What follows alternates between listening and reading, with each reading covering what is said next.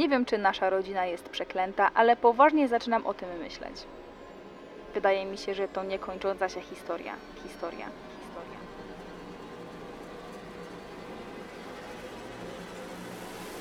The crime you two planned was indeed perfect. Only the victim is alive and the murderers are not. It's a pity you didn't know when you started your game of murder that I was playing too.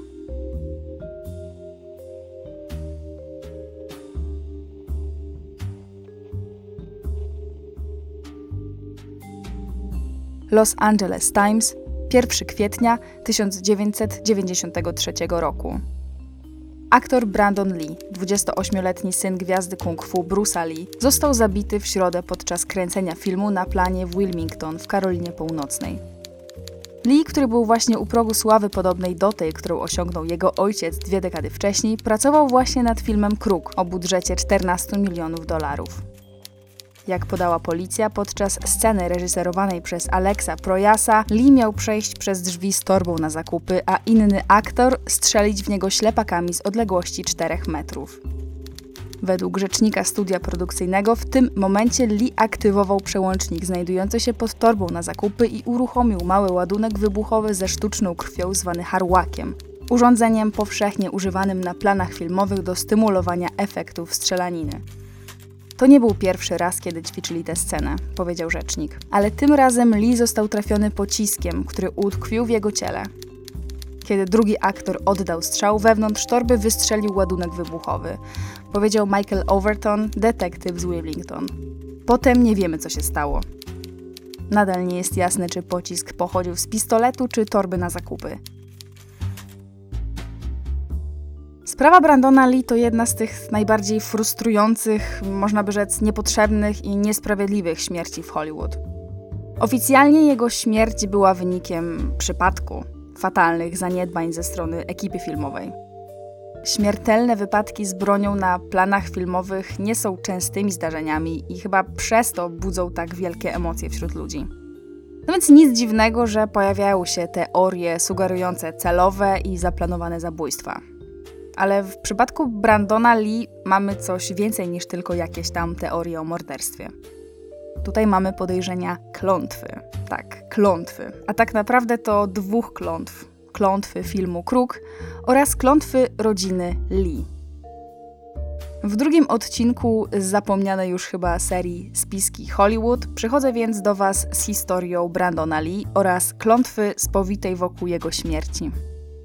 Czy Brandon zmarł w wyniku nieszczęśliwego wypadku? Czy ktoś go zamordował?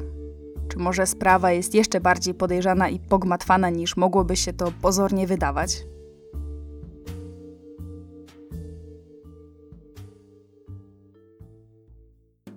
Brandon Lee urodził się 1 lutego 1965 roku w Oakland w Kalifornii jako pierwsze dziecko Bruce'a Lee i jego żony, Amerykanki Lindy Caldwell. Kiedy przyszedł na świat, to Bruce śmiał się, że jest prawdopodobnie jedynym w historii Chińczykiem o blond włosach i szarych oczach. A z biegiem oczy mu się może nie rozjaśniły, ale włosy stały się ciemne, niemal czarne, zbliżone do koloru włosów ojca. Właściwie od zawsze, ze względu oczywiście na karierę Bruce'a, jego rodzina krążyła pomiędzy Hongkongiem a Stanami Zjednoczonymi, a dokładnie Kalifornią. Od jego najmłodszych lat ojciec uczył go sztuk walki i od czasu do czasu zabierał na plany filmowe. Właściwie w każdym wywiadzie opowiadał, że zaczął uczyć się kung fu właściwie nawet wcześniej niż zaczął chodzić. Dorastający w cieniu Brusa chłopiec od początku miał jeden cel: osiągnąć tyle co tata, a najlepiej jeszcze więcej. Niestety nie mógł się nacieszyć ojcem zbyt długo. W 1973 roku, kiedy Brandon miał 8 lat, Bruce nagle zmarł. Za oficjalną przyczynę jego śmierci uznano obrzęk mózgu spowodowany pomieszaniem środków przeciwbólowych ze środkami odurzającymi. Ale teorii spiskowych było znacznie więcej. Jeśli chcecie poznać szczegóły śmierci Bruce'a, to częściowo omówię je w dalszej części tego podcastu, ale jeśli chcecie posłuchać dwugodzinnej gadaniny na ten temat, to poświęciłam jego sprawie osobny odcinek, więc wszystkich zainteresowanych odsyłam od razu do tamtego odcinka, podam link w opisie. Wróćmy do Brandona. Po śmierci Bruce'a, Linda, Brandon i jego czteroletnia młodsza siostra Shannon na stałe zamieszkali w Los Angeles. Brandon, podobnie zresztą jak Bruce w jego wieku, nie należał do grzecznych nastolatków. Z powodu niesubordynacji wyrzucono go ze szkoły, a według niektórych źródeł to nawet dwa razy wyrzucono go ze szkoły, przez co matka musiała go zapisać do jakiejś innej placówki. Od dzieciństwa, co ciekawe, przyjaźnił się z Erikiem Norrisem, synem Chucka Norrisa. Przez całe nastoletnie lata uczył się sztuk walki, a jako syn tego, Bruce'a Lee, nie ma się co dziwić, że nauczycieli miał najlepszych, głównie byłych podopiecznych albo przyjaciół Bruce'a. Po skończeniu 18 roku życia zapisał się do koledżu, gdzie wzorem ojca rozpoczął naukę aktorstwa. Lekcje aktorstwa pobierał też w słynnym nowojorskim Instytucie Lee Strasberga, przez wielu uważanym za najlepszą szkołę w całym kraju.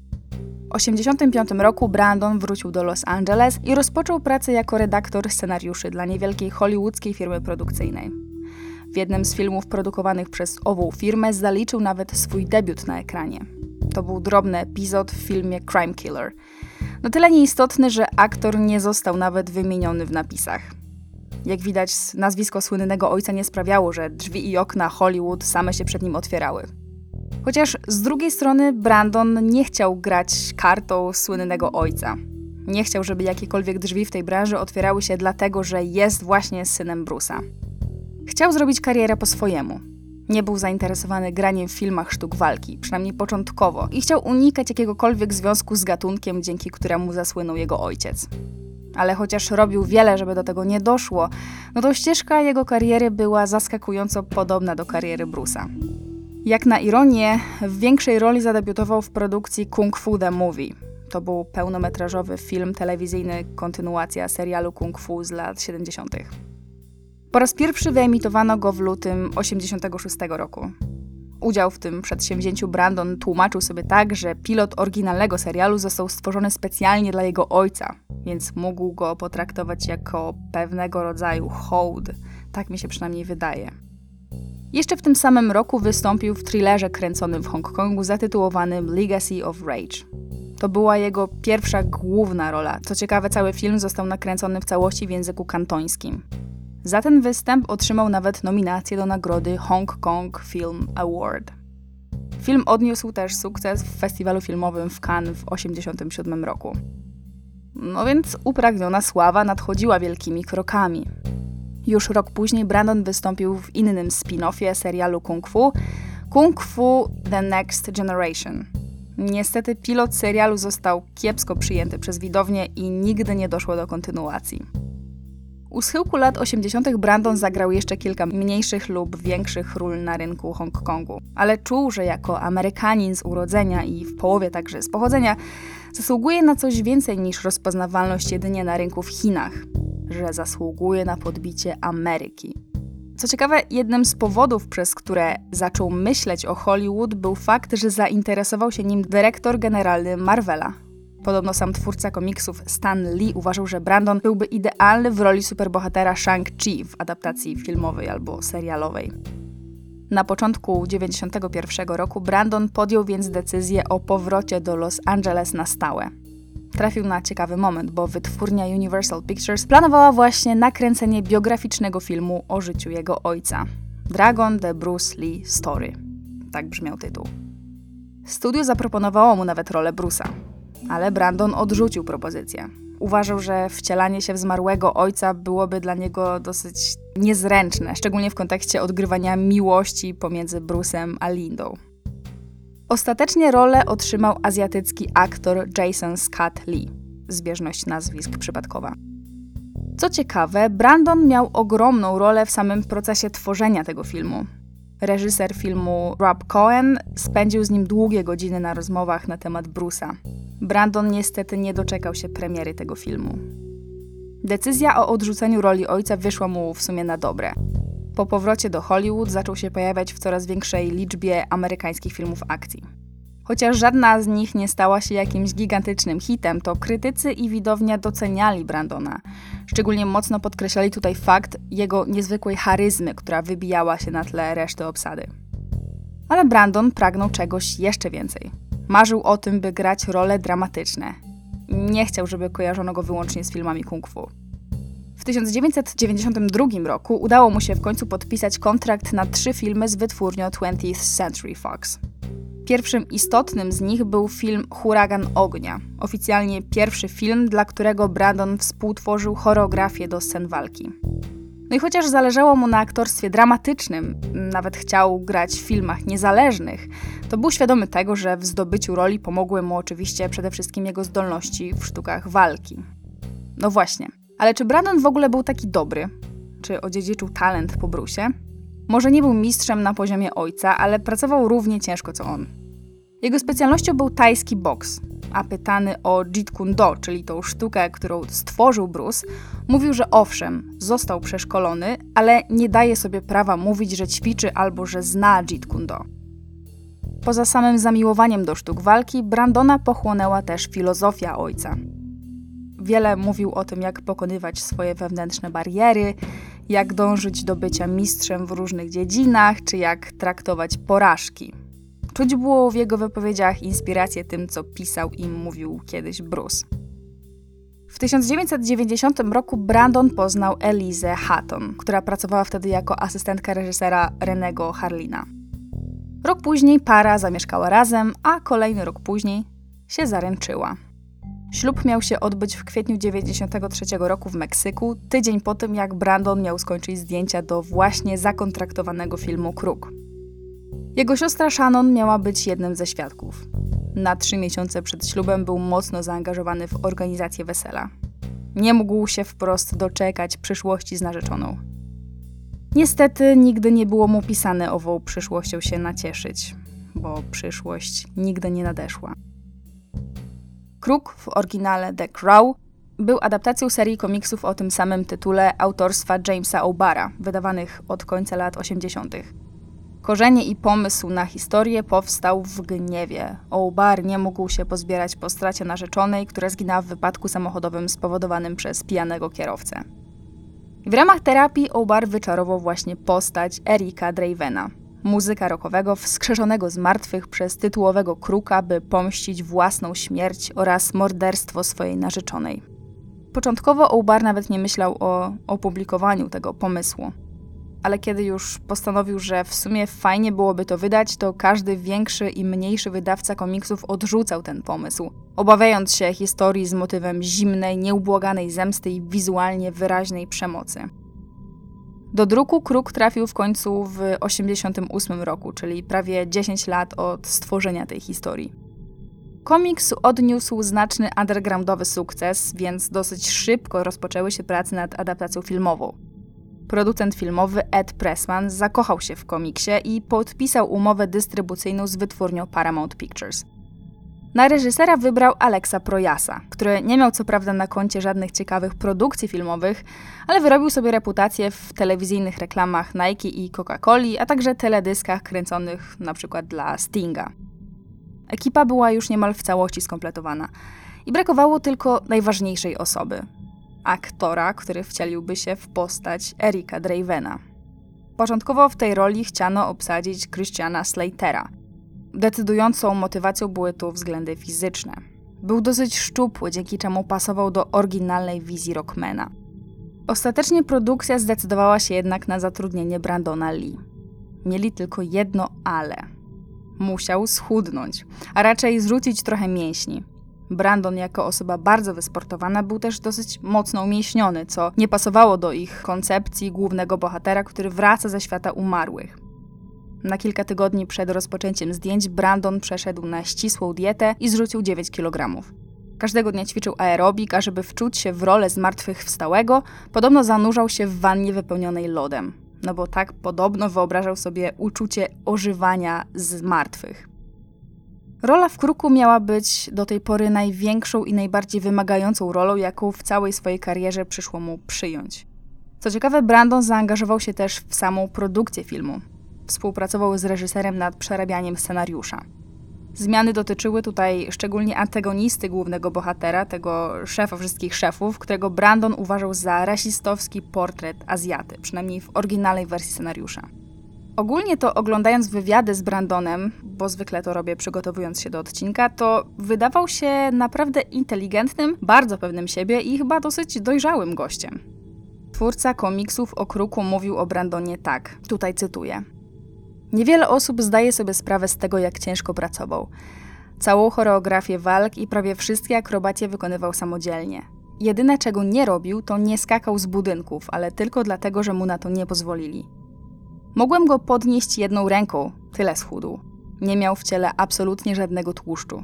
To był pierwszy raz, kiedy Brandon zaczął naprawdę grać. Czekał na to całe życie. To tak jakby wychodził z kokonu, tyle że w przyspieszonym tempie. Zdjęcia do Kruka wystartowały 1 lutego 1993 roku.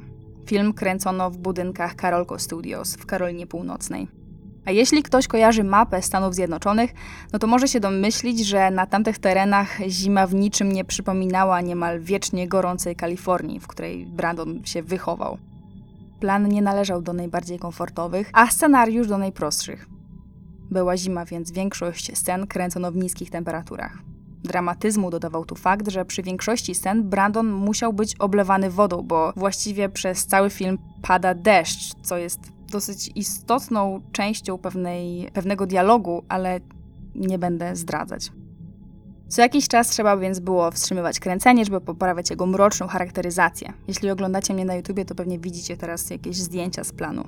No więc oblewano go wodą, kręcono, potem znowu go oblewano, potem znowu go malowano, żeby potem znowu go oblać wodą. Tak wyglądał właściwie praktycznie każdy dzień na planie. Znalazłam nawet informację, że z natury cierpliwy i silny psychicznie i fizycznie Brandon złożył nawet w pewnym momencie formalną skargę na warunki, jakie panują na planie. Ale niestety nie wiem, czy to była prawda. Po dwóch miesiącach takiej katorżniczej pracy zdjęcia były już prawie ukończone. Co prawda nie zmieścili się w budżecie, ale przynajmniej mieli nagrane prawie wszystkie materiały. To było ostatnich 8 dni na planie. Do nakręcenia pozostało im właściwie tylko kilka ostatnich scen. W tym ta najważniejsza scena, czyli śmierć głównego bohatera, Erika Dravena, odgrywanego właśnie przez Brandona Lee. Był 31 marca, w pół do pierwszej w nocy. Scenariusz w oryginale wyglądał tak. Eric Draven wraca do swojego mieszkania z torbą na zakupy w rękach. Wchodzi do środka i już od progu jest zaskoczony przez wynajętych bandytów, którzy atakują jego narzeczoną. Wcielający się w Dravena Brandon przechodzi przez drzwi. Trzymany przez aktora Michaela Masiego pistolet Smith Wesson 629 kaliber 44 Magnum strzela w stronę Brandona. W momencie wystrzału Lee ma jedno zadanie. Ma nacisnąć spust ukryty pod torbą na zakupy, żeby wysadzić tak zwany squib. Z tego, co znalazłam w internecie, słowo squib na polski tłumaczone jest najczęściej jako harłak. Harłak był takim niewielkim ładunkiem wybuchowym, do którego przymocowywano woreczek ze sztuczną krwią. Brandon zgodnie z planem detonuje ten harłak i zgodnie z planem upada na ziemię. Wszystko wygląda naturalnie, wręcz idealnie. Ujęcie skończone, kamera się wyłącza, załoga czeka. Ale Brandon nie wstaje z podłogi. Ktoś w pewnym momencie zauważa kałużę krwi. I to nie wygląda na sztuczną krew z woreczka. Raczej obficie wydobywającą się krew z prawej strony brzucha nieruszającego się już aktora. Ktoś nagle zaczyna krzyczeć. Cały plan w jedną sekundę dosłownie zamiera. Kiedy na miejscu pojawia się karetka, to z Brandonem nie ma już żadnego kontaktu. Transportują go do centrum medycznego New Hanover. Po sześciogodzinnej operacji umiera, nigdy nie odzyskując przytomności. Ma 28 lat. Dokładnie 4 lata mniej niż jego ojciec w czasie śmierci. Jeszcze kilka tygodni wcześniej opowiadał w wywiadzie o przedwczesnym odejściu Bruce'a. A teraz dokładnie ta sama historia spotkała także jego. Początkowo media podają do wiadomości publicznej jedynie pobieżne szczegóły incydentu. Brakuje chociażby nazwiska aktora, który oddał wystrzał z pistoletu. Nie wiadomo nawet, kto z planu Carolco Studios był w ogóle świadkiem tego zdarzenia. Nie wiadomo, jak doszło do wystrzału. Nie wiadomo nawet, czy Brandona zabił wystrzelony nabój, czy może zdetonowany harłak. Właściwie to prawie nic nie wiadomo. Krótko po drugiej w nocy na miejscu zdarzenia na planie Carolco Studios pojawia się detektyw Rodney Simmons z Departamentu Policji w mieście Wilmington wraz z zespołem śledczych. Początkowo spekulują, że obrażenia, a w konsekwencji śmierć Brandona spowodowała właśnie eksplozja harłaka tak blisko ciała. W tym przypadku, tak jak już mówiłam, to był mały ładunek wybuchowy z balonikiem ze sztuczną krwią, który był zaprojektowany tak, żeby stworzyć wrażenie rozerwania ciała po trafieniu kulą. I tutaj dwie ciekawostki ode mnie. Pierwsza w historii użycie takiego harłaka na planie filmowym udokumentowano podczas kręcenia filmu Pokolenie z 1955 roku w reżyserii Andrzeja Wajdy. Użyto wtedy dynamitu i prezerwatywy wypełnionej sztuczną krwią. Druga ciekawostka jest taka, że dzisiaj w przemyśle filmowym korzysta się z tej techniki wyłącznie do przedmiotów nieożywionych. Ich używanie na ludziach zostało może nie zabronione, ale wycofane na rzecz bardziej zaawansowanych i po prostu bezpieczniejszych urządzeń albo po prostu efektów specjalnych. Śmierć przez wybuch Harłaka była więc pierwszą teorią, która pojawiła się w mediach. Ale policja, która przybyła na miejsce, dosyć szybko tę teorię obaliła. Pamiętajmy tutaj przecież jedno: scena zabójstwa została nagrana i to nie była jakaś kamera przemysłowa, to była profesjonalna kamera filmowa. Detektywi mogli więc przejrzeć nagrania z taśmy i na własne oczy po prostu zobaczyć, co dokładnie się wydarzyło a pewnie bardzo, bardzo rzadko mają taki dowód do dyspozycji. Jeśli to było zaplanowane morderstwo, to albo morderca był głupi, albo wręcz odwrotnie i wyjątkowo dobrze to przemyślał. Kiedy detektywi przejrzeli nagrania tej sceny, wszystko stało się właściwie jasne. Materiał z taśmy wyraźnie wskazywał, że miejsce postrzelenia Brandona zgadzało się z miejscem, z jakiego aktor Michael Massey celował do niego z broni. Więc Harłak odpadał. Oczywiście wciąż pierwszym koniecznym do zbadania tropem było więc celowe morderstwo. Detektywi przesłuchali więc oczywiście ekipę, pytając o jak jakąkolwiek możliwość, jakiejkolwiek niechęci do Brandona Lee, no i powiedziano im, że nikt nie miał z nim konfliktu, a przynajmniej jawnego. Massey, czyli ten aktor, który oddał śmiertelny strzał, był w tragicznym stanie psychicznym. Zeznał policji, że kiedy nacisnął spust, odrzut i dźwięk były identyczne co wtedy, gdy wcześniej strzelał ślepakami w scenach kręconych te dwa tygodnie wcześniej. Pojawiło się więc bardzo ważne pytanie, czy to Masi załadował broń użytą jako rekwizyt? Otóż nie. Broń została załadowana przez osobę od efektów specjalnych, co w sumie jest dosyć logiczne. W tej scenie używano tak zwanych ślepaków. Z zewnątrz wyglądały właściwie jak prawdziwe kule, ale nie zawierały pocisku, czyli elementu rażącego. I teraz może chwila o tym, jak wygląda generalnie nabój, a przynajmniej nabój do broni używanej przy tej scenie w kruku. Nabój pistoletowy składa się z pocisku, czyli elementu rażącego, ładunku prochowego, czyli źródła energii, który wprawia pocisk w ruch, spłonki, czyli elementu zapłonowego dla prochu, oraz metalowej łuski, czyli osłony, która łączy te wszystkie elementy. Na miejscu zdarzenia policja znalazła dwie zużyte łuski. Jedną ze ślepaka oraz jedną z pustego naboju. To by znaczyło, że z broni strzelono dwukrotnie. Raz tak jak planowano, czyli z naboju bez pocisku, oraz raz, zdaje się, z prawdziwego naboju z pociskiem. Pociskiem, który ostatecznie trafił w brzuch Brandona Lee. A to już było zastanawiające dlatego że według prawa był absolutny zakaz wnoszenia na plan filmowy prawdziwych nabojów z pociskiem. Owszem, używano prawdziwej broni i owszem, broń mogła być naładowana, ale ślepakami. Nie można było tak po prostu wnieść sobie broni i załadować jej zwykłymi nabojami. Tymczasem ze szpitala przyszły wieści, że na ciele Brandona widniała dziura wlotowa o średnicy wielkości jednego dolara. Pocisk z kolei utkwił w pobliżu jego kręgosłupa. Sierżant policji E. Norwell powiedział prasie, że aby ustalić, jaki pocisk trafił w aktora i co dokładnie się tam wydarzyło, muszą poczekać na wyniki autopsji. Jednocześnie, co istotne, od samego początku mówił, że incydent został potraktowany jako wypadek. Ale dopóki nie pozna wyników autopsji, to sprawa nadal pozostaje przedmiotem dochodzenia. Na sekcję nie trzeba było jednak długo czekać. Już następnego dnia cała amerykańska prasa krzyczała nagłówkami – tutaj cytuję, nawet po autopsji Wydział Zabójstw Policji nadal traktuje śmierć aktora jako wypadek. Sekcja zwłok ujawniła, że Lee doznał urazów jelit i poważnych urazów tętnic z rozległym krwawieniem. Musiał jednak minąć kolejny tydzień, żeby analiza laboratoryjna mogła określić specyfikę materiału znalezionego w ciele Brandona. A tydzień w przypadku tak dramatycznego i dynamicznego zdarzenia to dla mediów i postronnych ludzi bardzo dużo czasu. bardzo dużo czasu na wymyślanie teorii i szerzenie nowych pomysłów na to, co tam mogło się stać. No nie ma co się dziwić, że ludzie spekulowali. W przeciwieństwie do wielu spraw z Hollywood, przy których teorie spiskowe są budowane latami, tak w przypadku Brandona Lee pierwsze teorie spiskowe trafiły do gazet już dzień po jego śmierci.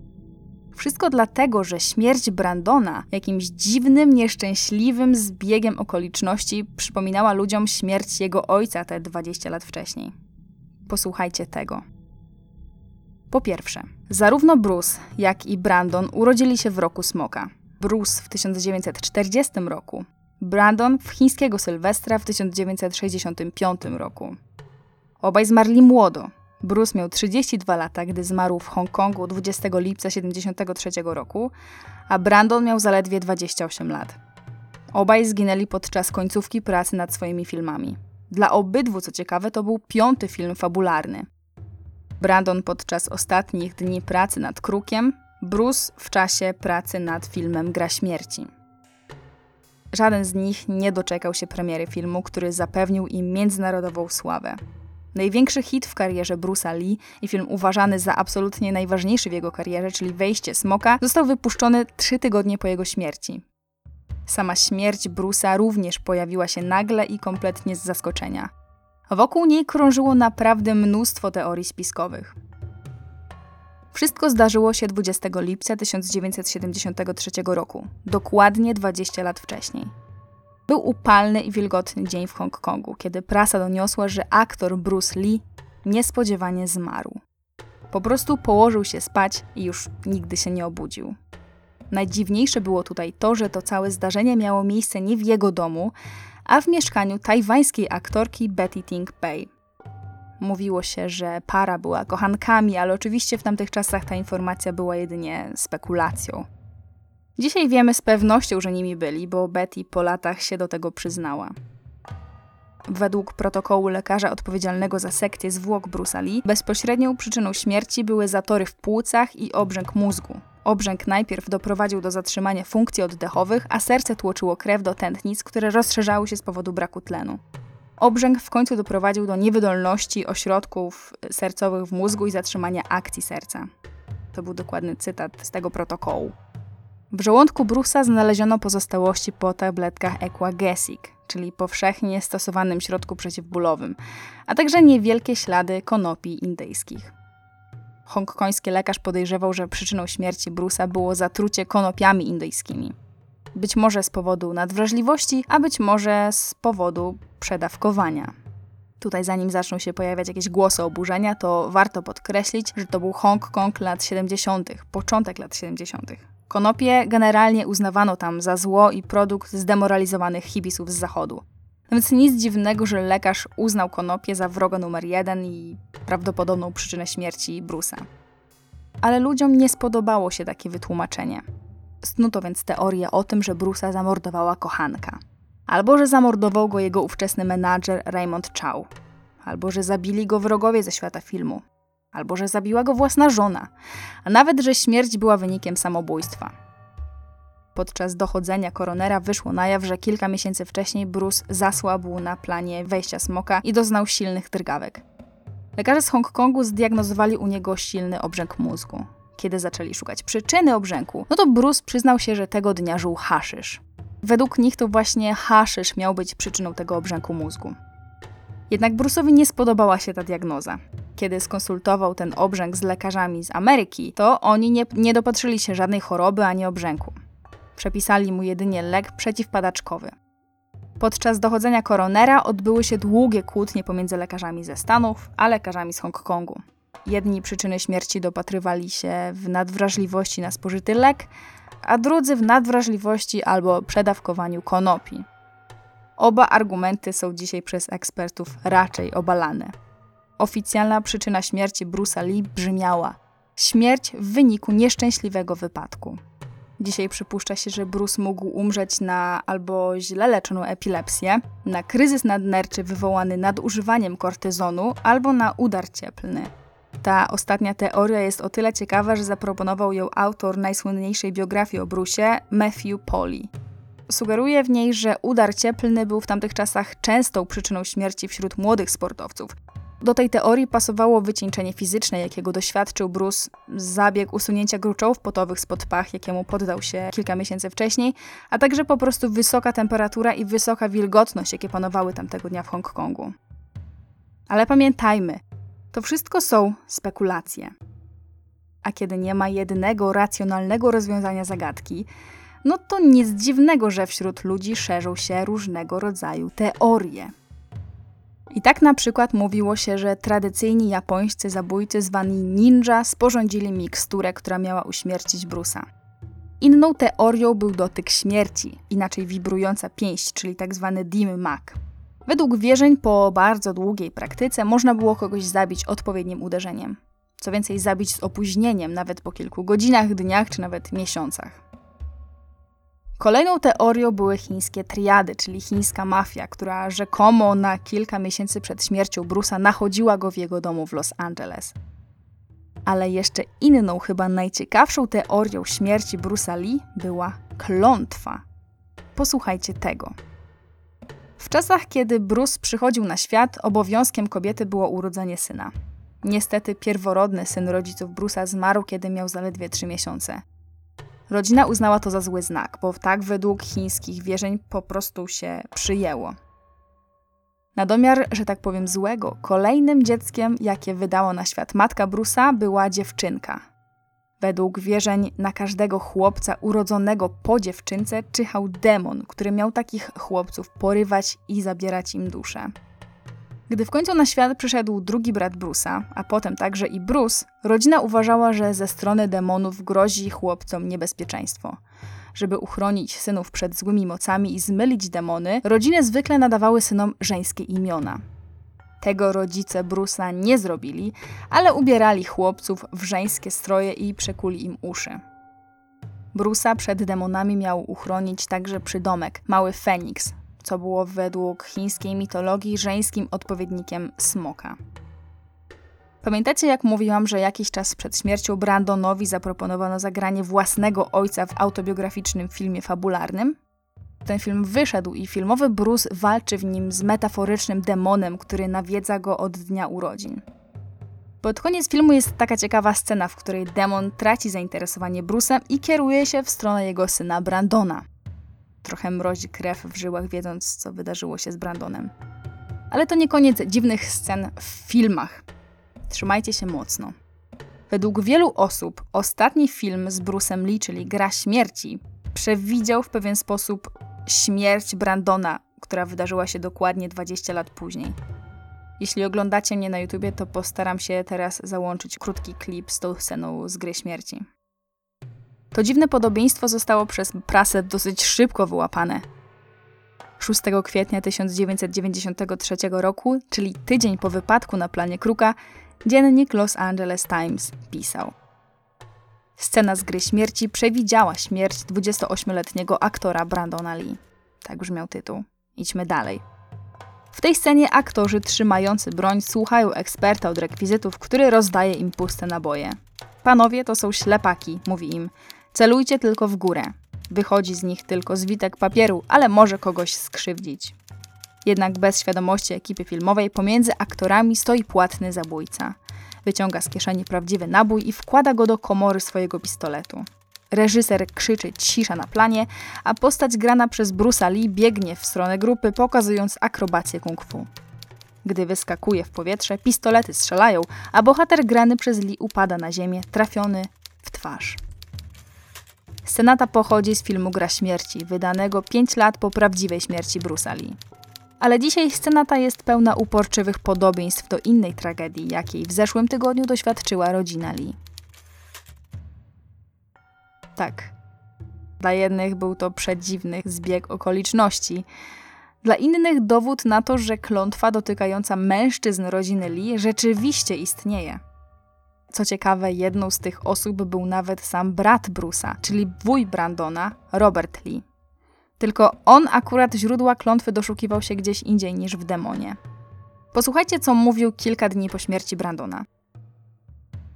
Nie wiem, czy nasza rodzina jest przeklęta, ale poważnie zaczynam o tym myśleć. Wydaje mi się, że to niekończąca się historia. Przed laty zostałem ostrzeżony przez chińskiego mistrza Feng Shui, że nasza rodzina może mieć problem, ponieważ nasz ojciec, dziadek Brandona, został pochowany na katolickim cmentarzu w Hongkongu obok 12-letniego chłopca. Powiedział, że to zły omen być pochowanym obok dziecka, które zmarło tak młodo i że jeśli nie zostanie przeniesiony lub jeśli nie zostanie zbudowany między nimi mur, to w naszej rodzinie będzie dużo śmierci lub rozwodów. Bruce nie żyje. Mój brat Peter jest rozwiedziony. Ja jestem rozwiedziony. Teraz Brandon również nie żyje.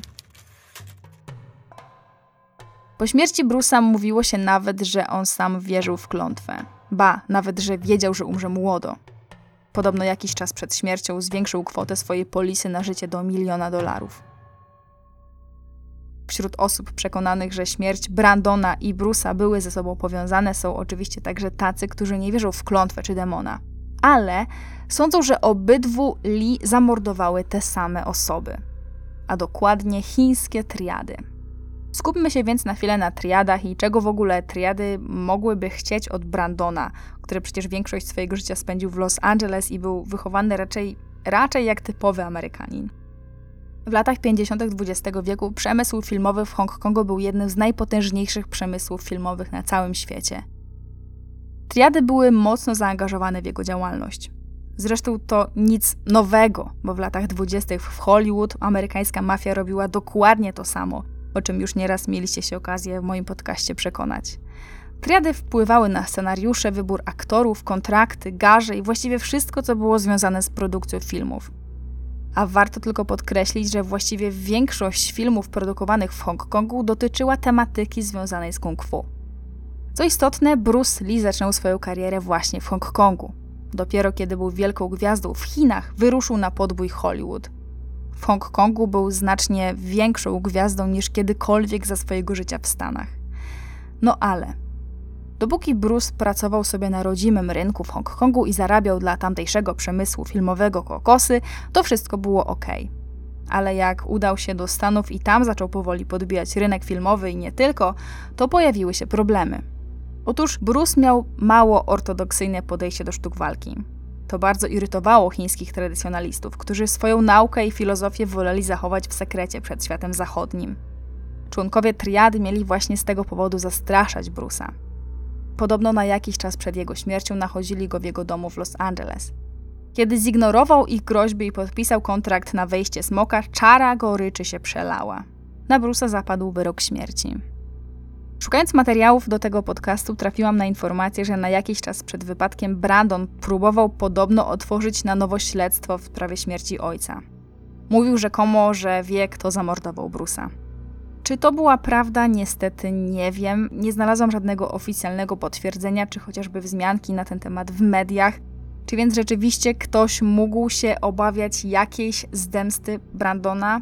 Cóż, nie wiem, ale sam Brandon wyśmiewał teorię o zemście triady. W wywiadzie z 1992 roku został zapytany przez dziennikarza o to, co sądzi o takich teoriach na temat śmierci ojca. Posłuchajcie, co miał do powiedzenia sam zainteresowany. A lot of people said the rumor when your dad passed away that uh, these Chinese guys killed him because he was giving away too many secrets. Um, Well, you know, the thing is, those rumors to me are really on the same level as Elvis sightings at a local McDonald's. Okay. Um, well, I mean, I, I didn't mean to be insensitive, but this is, you know, it's like the, yeah. the stomach. Well, um, my mom's written a couple real good biographies about my dad, and they really lay out the facts of his life for anybody who's interested. Tłumacząc, te plotki są dla mnie na tym samym poziomie co Elvis widziany w lokalnych McDonaldach. Odpowiedź chyba mówi sama za siebie. Ale teorie o tym, że Brandon został zamordowany, nie pojawiły się znikąd.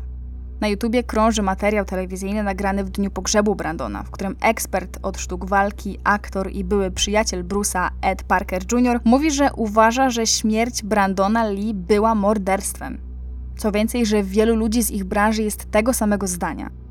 Ale to nie koniec. Jeden z detektywów policji w pierwszym tygodniu śledztwa powiedział mediom, tutaj cytuję: Mam pewne przeczucie, ale nie mogę powiedzieć, co to jest. Aktor kina akcji Steven Seagal powiedział z kolei: Something is terribly, terribly wrong here. and either you know somebody's trying to murder him or there's some kind of gross negligence. Coś jest tu bardzo nie tak.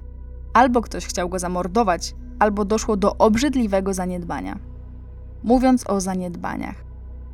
Producent filmu Kruk Robert Rosen i inni zaangażowani w film cały czas odmawiali wypowiedzenia się w sprawie śmierci Brandona. Odmówili też odpowiedzi na wszelkie wątpliwości dotyczące procedur bezpieczeństwa obowiązujących na planie. Coś tam bardzo śmierdziało. Ale rozmowy na temat śmierci Brandona wkraczały na coraz dziwniejsze tory.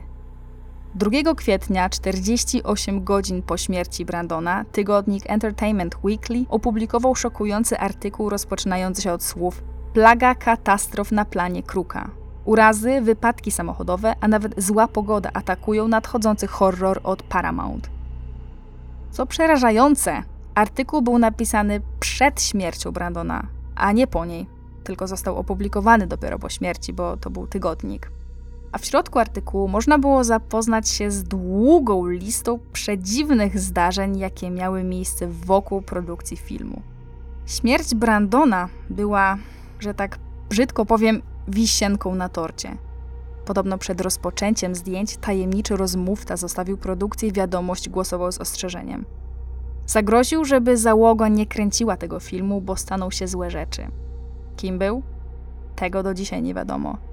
Ale ten telefon w jednym z dokumentów telewizyjnych potwierdziły osoby pracujące na planie, więc to nie jest jakaś plotka wymyślona przez kogoś na poczekaniu, tylko to się zdarzyło naprawdę. Najdziwniejsze było jednak to, że rzeczywiście w ciągu ostatnich tygodni wydarzyło się tam mnóstwo dziwnych rzeczy. 1 lutego, podczas pierwszego dnia zdjęć, 27-letni stolarz Jim Martisius, pracujący na planie na podnośniku, zderzył się z, jak się okazało, nieizolowanymi liniami energetycznymi pod napięciem. Na planie wybuchł pożar, podczas którego Jim doznał oparzeń drugiego i trzeciego stopnia na ponad 40% ciała. Cytując późniejsze dokumenty sądowe, bo oczywiście Jim pozwał studio filmowe, został oślepiony na prawe oko i cierpi na problem neurologiczny związany ze słabą równowagą. Oparzenia spowodowały poważne zniekształcenia twarzy i ciała wymagające operacji rekonstrukcyjnych. Lekarz zapowiedział, że nawet jeśli dojdzie do sprawności, to zajmie mu to jakieś 5 lat. Jeszcze tego samego dnia rzecznik prasowy studia Jason D. Scott miał wypadek samochodowy. Tego samego wieczoru ciężarówka ze sprzętem należącym do ekipy w tajemniczy sposób się zapaliła. Tak po prostu. Dwa pożary w ciągu jednego dnia. Idźmy dalej.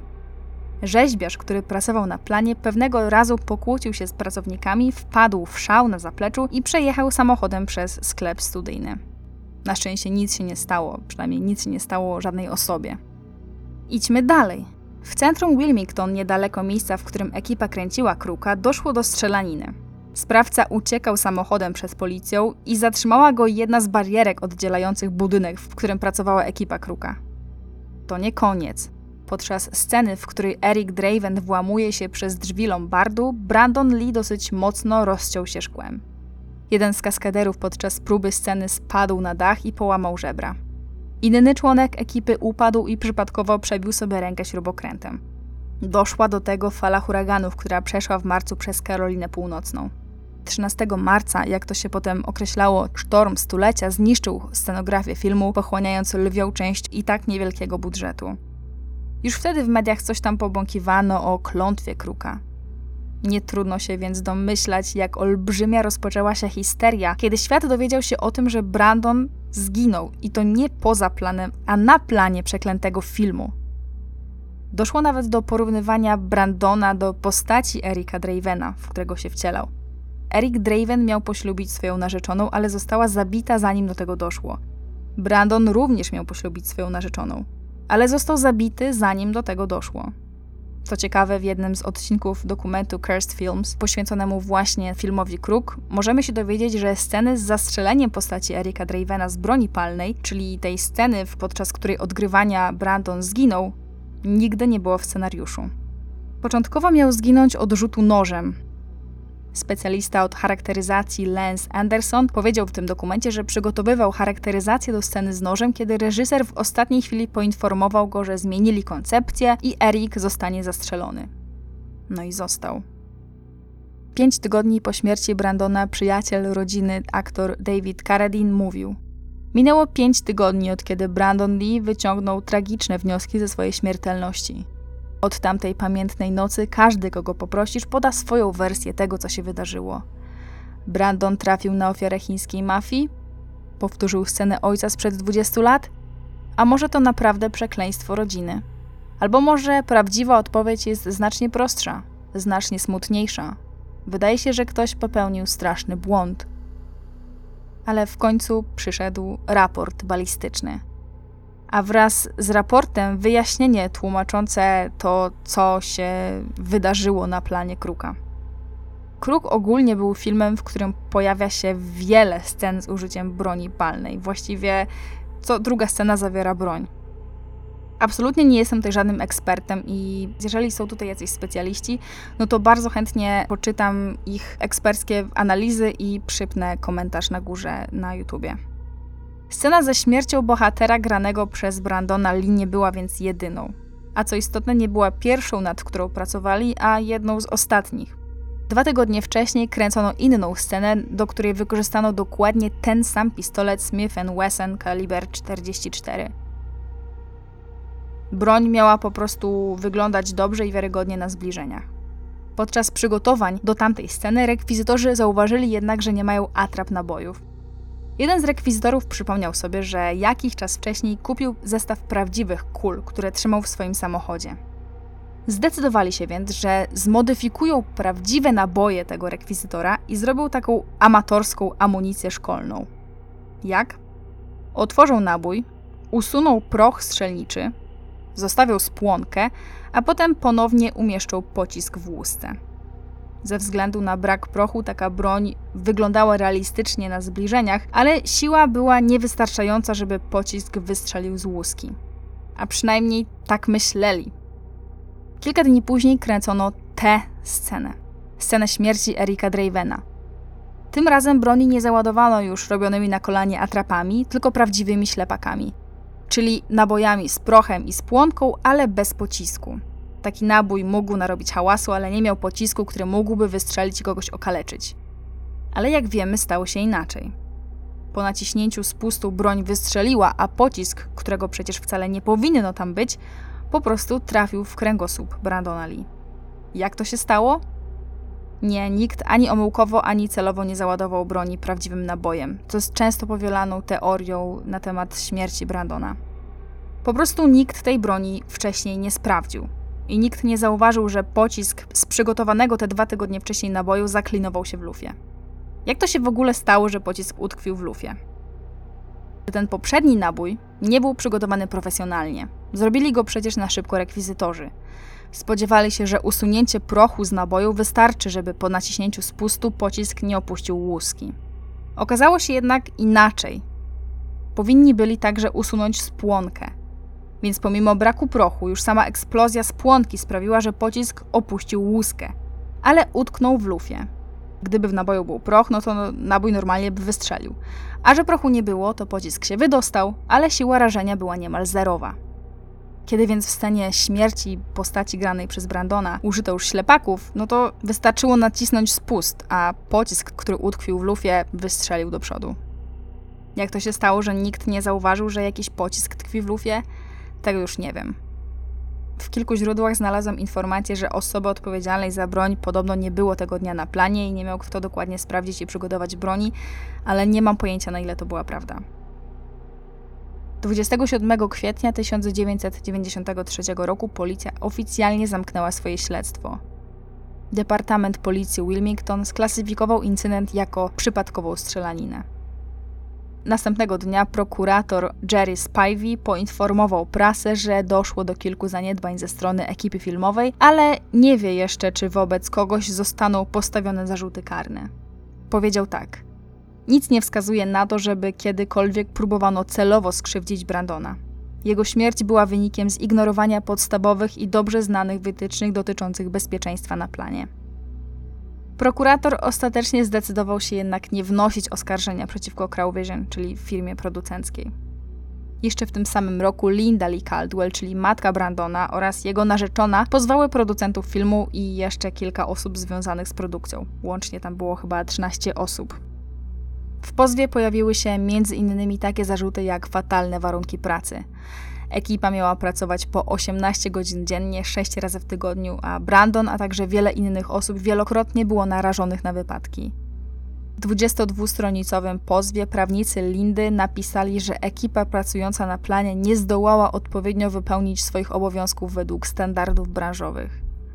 Szeroko opisane zostało też zaniedbanie związane z samodzielnym przygotowaniem nabojów zamiast, cytuję, poczekania jednego dnia i zakupienia ich od licencjonowanego sprzedawcy amunicji. Co więcej, według pozwu członkowie ekipy i aktorzy nie mieli odpowiedniego przygotowania do pracy z bronią, a produkcja naruszyła zakaz posiadania ostrej amunicji na planie filmowym. Ekipa średnio umiała chyba w PR, bo rzecznik wytwórni mówił tak, tutaj cytuję. Każdy był zmęczony, ale to profesjonaliści. Byli przyzwyczajeni do pracy w takich warunkach. Ostatecznie strony jednak się porozumiały i zarówno matka, jak i narzeczona otrzymały jakąś finansową rekompensatę pieniężną w kwocie o nieujawnionej wysokości. Co więcej, Wydział Bezpieczeństwa i Higieny Pracy w Karolinie Północnej nałożył grzywnę w wysokości 77 tysięcy na firmę produkującą film mm, za trzy naruszenia przepisów w miejscu pracy, w tym obecność ostrej amunicji na planie filmowym. A co z samym filmem? I teraz najciekawsze. Produkcja filmu została wstrzymana na kilka tygodni, ale już w maju na plan wrócono. Producent Ed Pressman mówił później, że nie mieli technicznych problemów z dokończeniem filmu, raczej psychiczne. Reżyser Alex Proyas początkowo miał być tak zdruzgotany śmiercią Brandona, że sam nie chciał kontynuować projektu. Wrócił wyłącznie ze względu na prośby matki i narzeczonej Brandona, które uznały film za pewien hołd w jego kierunku. Większość załogi zgodziła się kontynuować, ale jedna trzecia ekipy opuściła produkcję. Dużą przeszkodą była rezygnacja studia Paramount z dystrybucji, ale tu z pomocą przyszedł nie kto inny jak Harvey Weinstein i firma Miramax, która nie tylko wzięła na siebie dystrybucję Kruka, ale też zapewniła 6 milionów niezbędnych do ukończenia filmu bez udziału Brandona. Film w nowej wersji wymagał kilku przeróbek w scenariuszu. Wbrew popularnemu przekonaniu, śmierci Brandona Lee nie widać w ostatecznej wersji filmu. Ale żeby dokończyć w ogóle Kruka, produkcja zdecydowała się wykorzystać do brakujących scen innych aktorów. Na zastępstwo Brandona wybrano m.in. Chada Stachelskiego, prywatnie dobrego przyjaciela Brandona. Kaskaderzy w istocie użyczyli Brandonowi jedynie ciała, bo sama twarz Brandona została do brakujących scen wstawiona cyfrowo. W dokumencie na temat filmu Kruk charakteryzator mówi, że jak nałożył na Chada charakteryzację, którą wcześniej nosił Brandon, to ekipa przeraziła się tym, że wyglądał niemal identycznie jak zmarły niedawno Brandon. Domyślam się tylko, jak dziwne i straszne musiało to być dla nich doświadczenie. Film został dedykowany Brandonowi i jego narzeczonej, a na ekranie pojawił się cytat: Kluczem do nieśmiertelności jest najpierw przeżyć życie warte zapamiętania. Marketing całego filmu był bardzo ograniczony. Właściwie sprowadzał się głównie do plakatów z hasłem Uwierz w anioły. Kruk swoją premierę miał w 1994 roku i był największą premierą w dotychczasowej historii studia Miramax. Pomimo pozwu i walk z producentami, matka i siostra Brandona wzięły udział w oficjalnej premierze. Linda uznała ten film za doskonały i wielki hołd dla całej rodziny Lee. Niektórzy pisali, że to nie tylko najlepszy film w karierze Brandona, ale i film lepszy niż jakikolwiek film jego ojca. Ale krytycy, jak to krytycy, byli podzieleni. Niektórzy krytykowali Kruka za fabułę, określając go nieco bardziej rozbudowanym popowym teledyskiem. Pomimo tego film okazał się ogromnym sukcesem komercyjnym. No nic dziwnego, to makabryczne tło wokół produkcji musiało przyciągać ludzi. Ostatecznie zarobił prawie 40 milionów dolarów w samych kinach w Stanach Zjednoczonych. Do tej pory powstały trzy sequele Kruka, jeden z 96 roku, jeden z 2000 roku i jeden z 2005 roku. Wszelakie próby remake'u się nie powiodły, chociaż przez pewien czas z rolą Erika Dravena łączono takich aktorów jak Bradley Cooper czy Jason Momoa. Ale warto też pamiętać, że śmierć Brandona Lee to była tragedia jeszcze jednego człowieka, o którym no w sumie rzadko się mówi. Michael Massey, czyli jego dobry znajomy, który pociągnął za spust, chociaż oczywiście nieumyślnie, to przez wiele lat czuł się jak morderca Brandona. Bardzo długo nie mógł dojść do siebie i cierpiał na depresję. W 2005 roku udzielił właściwie pierwszego i wydaje mi się, że jedynego wywiadu na ten temat. Powiedział tak. Zajęło mi trochę czasu, aby móc nie tylko spojrzeć na to z odpowiedniej perspektywy, ale by móc iść dalej ze swoim życiem. To, co się stało z Brandonem, było tragicznym wypadkiem. Coś, z czym zawsze będę musiał żyć. Massey, chociaż zrobił sobie przerwę, to nie zrezygnował z aktorstwa. Zmarł w 2016. Brandon Lee został pochowany 3 kwietnia w Seattle, zaraz obok grobu swojego ojca, Bruce'a Lee. Tuż przed śmiercią, w wywiadzie, w którym opisywał pracę na planie Kruka, Brandon zacytował fragment książki Pod osłoną nieba Paula Bowlesa. I ten cytat został wyryty na jego nagrobku. Ponieważ nie wiemy, kiedy umrzemy, myślimy o życiu jak o niewyczerpanym źródle. Jednak wszystko dzieje się tylko pewną ilość razy, tak naprawdę bardzo małą ilość. Jak wiele razy wspomnisz jakieś popołudnie z Twojego dzieciństwa? Popołudnie, które jest tak ważną częścią Ciebie, że nie wyobrażasz sobie życia bez niego. Może jeszcze cztery lub pięć razy, może nawet nie tyle. Ile jeszcze razy ujrzysz pełnię księżyca? Może. A do tej pory wszystko wydawało się nieskończone. Na prośbę rodziny Lee, zaraz po zamknięciu śledztwa, nagranie z postrzałem Brandona zostało zniszczone. Linda Lee Caldwell i Shannon Lee wielokrotnie udzielały wywiadów, w których odrzucały teorie spiskowe o rzekomej klątwie. Linda w jednej z nich powiedziała nawet, że rodzina Lee nie była przeklęta, tylko błogosławiona. Dokładnie powiedziała blessed, not cursed. I to już koniec historii śmierci Brandona Lee. Historii o klątwie rodziny Lee i o klątwie filmu Kruk. Dajcie znać, co sądzicie o tej sprawie. Czy uważacie, że rzeczywiście była tutaj jakaś klątwa, a może po prostu zbieg niefortunnych zdarzeń i tragiczna pomyłka ekipy filmowej? A może jedno i drugie jednocześnie? Jaka nie byłaby tu prawda, to jedno trzeba oddać. Brandonowi udało się uciec od gatunku kina akcji i stworzyć w kruku naprawdę niesamowitą dramatyczną rolę. Trudno chyba o lepsze zakończenie kariery. A jeśli przesłuchaliście tego odcinka do końca, to napiszcie w komentarzu Uwierz w anioły. Ten odcinek miał się ukazać jeszcze w 2021 roku, ale skoro mamy już 2022, to wszystkim Wam życzę wszystkiego dobrego i oby ten rok był dla Was lepszy niż poprzedni. Dzięki za wysłuchanie. Do usłyszenia. Cześć.